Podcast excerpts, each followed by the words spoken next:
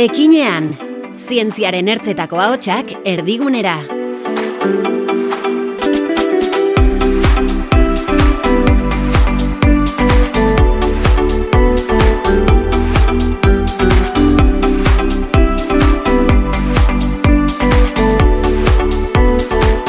Kaixo eta ongi etorri EHU Ekinean podcastera. Elujarreko Ana Galarraga iestaren nauzue eta podcast honen helburua estereotipoetatik kanpo geratzen diren ikertzaileak ezagutzea da. Gaurko protagonista, June Madariaga Navarro da. Nautika eta itsasgarraioko gradua eta masterra egin ditu eta hori jada nahiko ezoikoa bada ere, are ezoikoagoa da ikerketan jardutea bere arloan.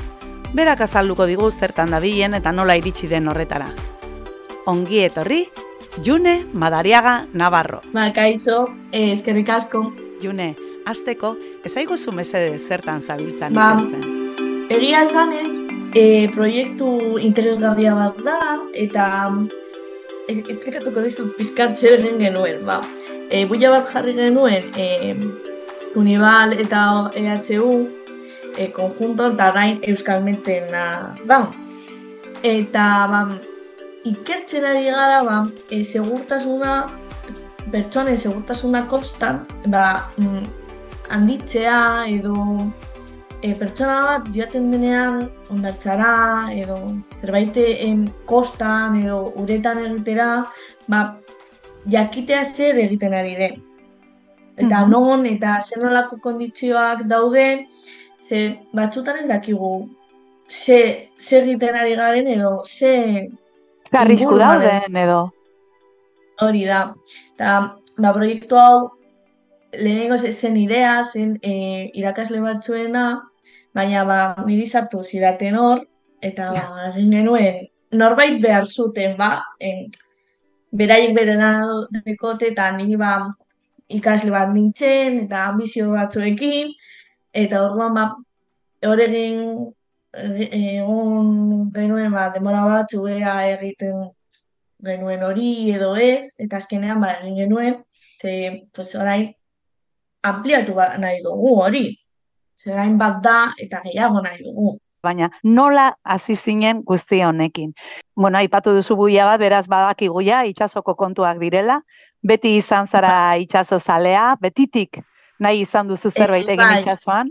Ze, ba, nire familia itxasekoa da. Nire aitite zen makinista, e, nire aita rantzalea da, nire beste aitite ba ere oso legatuta dago, eta orduan ba, ez, ez, bokazioa izan zen, eta ba hori kasi nuen, e, lau, lau urte bakraua, pasain urtean masterra, eta orain ba, lanean nago, eta gainera ba, doktoregoa egite. Eta imaginatzen dut, etxean eta inguruan, dena babestuko zutela zure erabaki hori, ez da? Bai, baina batzutan ze badakiti nola den mundu hori, eta beldurra ere zukaten, eh? Bai, ba, gogorra delako. Bai, eta ba, printzipioz bat beti pentsatzen duzu ba, nabigatzera joango eta hilabete asko etxe kanpoan, eta ea no, zen olako e, itxasontziak ikusiko duzun edo horrela, baina, bueno, gan egin nintzen, hiru hilabete, baina orain dago e, portuan lan egite, eta ba, posik, bai. Badaukazu alderatzea esperientzia itsasoan eta portuan. Zein gustatu zaizu gehien, o, ze gauza gustatu zaizkizu bakoitzetik, eta ze ez zaizu gustatu? Ba, oso desberdinak dira, eh?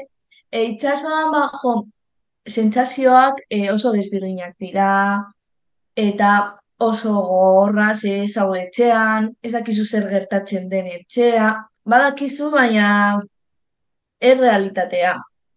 Eta dakizu kontatzen dizutena, ez zaude hor, eta batzutan ba sentitzen duzu ba, falta, falta handia daukazula zure etxean egotea.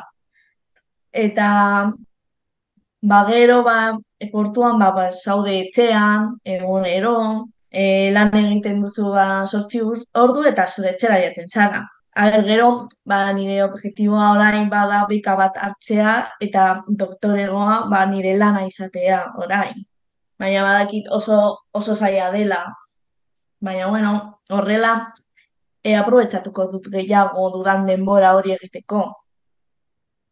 Buru belarri arituko zarelako, e, bueno, ba, doktoregoa badakigu zer dan, ez da, hor, sartzea. Horrek ere ez dizu ematen bertigo pixkat? pixkat, eza, e, bertigo handia, ba.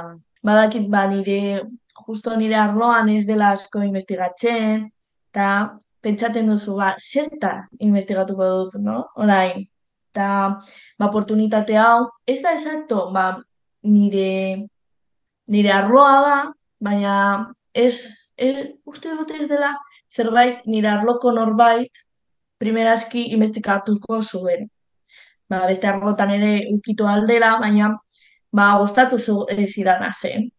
Eta nire irakasleak asko apoiatu didate, eta beti daude hor, eta beraiek egia esana izan ziren bultzatu zidaten nahi. Eta orduan ba hori, eta beraiek interesa dute e, ba, gaian. Eta hor, hor daude bere investigazioak ere, ba, daude entrelazatuak nire alta jena, garuan asko laguntzen gara. Azkenean, bueno, lantalde moduko badaukazu haiekin batera. Bai, ez zaude bakarrik. E, laguntzen dizu asko, ze ba, irakasle bat ba, zurekin ba, borrokatzen duelako zerbait zerbaitera ailegatzeko, edo kongresura, kongresu batera jateko, publikatzeko, edo adibidez e, urte honetan, e, partizipatu dut e, teknalia aulan, ingenieritza, Bilboko ingenieritza eskolako aulan, eta ba, nire, irak, nire irakaslea Mercedes ba, borrokota zuen, ze arraroa zen, egia esan, ba, ingenieritza e, aula batean, nirea ez delako ingenieritza. Gaude lotuta, baina ez da. Orda, baina asko ikasi dut hor, ze lagundu didate asko, e, beste ika, iraka, e, ikasle batzuk zeuden, irakasleak, eta orduan ba, talde bat zen, hane deziditu nintzen, ba, e, doktorengoa, beko, egia esan ez, oza, lehen ez nuen hain seguru, baina ora, ba, orain bai, ja nago, ja nago egiten, orduan, ba, hori, bai. Aipatu duzu, bueno, arraroa dela zure arloan ikerketara dedikatzea, ez dela ohikoena. Eta arraroa zen lehen behintzat, emakumezko bat aritzea lanean baita e, banautikako eta garraio itsas garraioko kontuetan. Gaur egun berdin segitzen du horrek hobetu da, ba, ba kondizioak hoberatu dira, baina orainik egia da, ba konpainia batzuk emakuma emakumea basarela esaten dizutela eset edo eba klasean agian amar basarete bi emakumeak dira. Amarretik bi edo horrelakoak, edo batzutan hiru, oza, nire urtean, eh, emakume asko sartu ginen, egia esanez, baina gero urren urtean bi edo, oso raro da. Eta gero, nabigatzea denbora asko, zegu e, urte bat egin behar dugu, be, ikasle moduan e, itxasontzi batea, batea, eta zuzar, jaten zara lan egiten duzu, baina ikaslea zara. Ze piloto e, azterketa bat egin behar duzu, baina e, irunen eta irurogeita. Bost, egun, egun bar zara, ba, mm, itxasuntzi batea. Eta orduan, ba, jo, duro, oso duro da. Ze joan bar zara, eta azkenean egia da, leku batxetan emakuma bazara, ba, ez dizutela hartuko, eta beste batzutan komplikatuko izango da. Ze, azkenean jaten zara, eta mm, hogeita amar zarete itxasotze batean, eta zu zara bakarra. Eta hori nabarituko da gauza guztietan ezakit. Ba, ni sorte ona eduki dut, e, e, on nintzen itxasontzian, ze bederatzi ginen bakarri, eta bueno, sortzi gizon emakume bat, baina e, tatua ona zen, ziren denak e, Galiziakoak eta Euskal Herrikoak, baina egia da, ba, orain, internazionalak dira tripulazioak, eta batzutan ba, komplikatu goaz da, ze internazionalak dira. Baina, jo, eske, hogeita mar izon, eta zu bakarrik, ba, zu deko zure ba, logela, daukazu zure espazioa, baina ezin duzu beste emakume batekin txegin edo.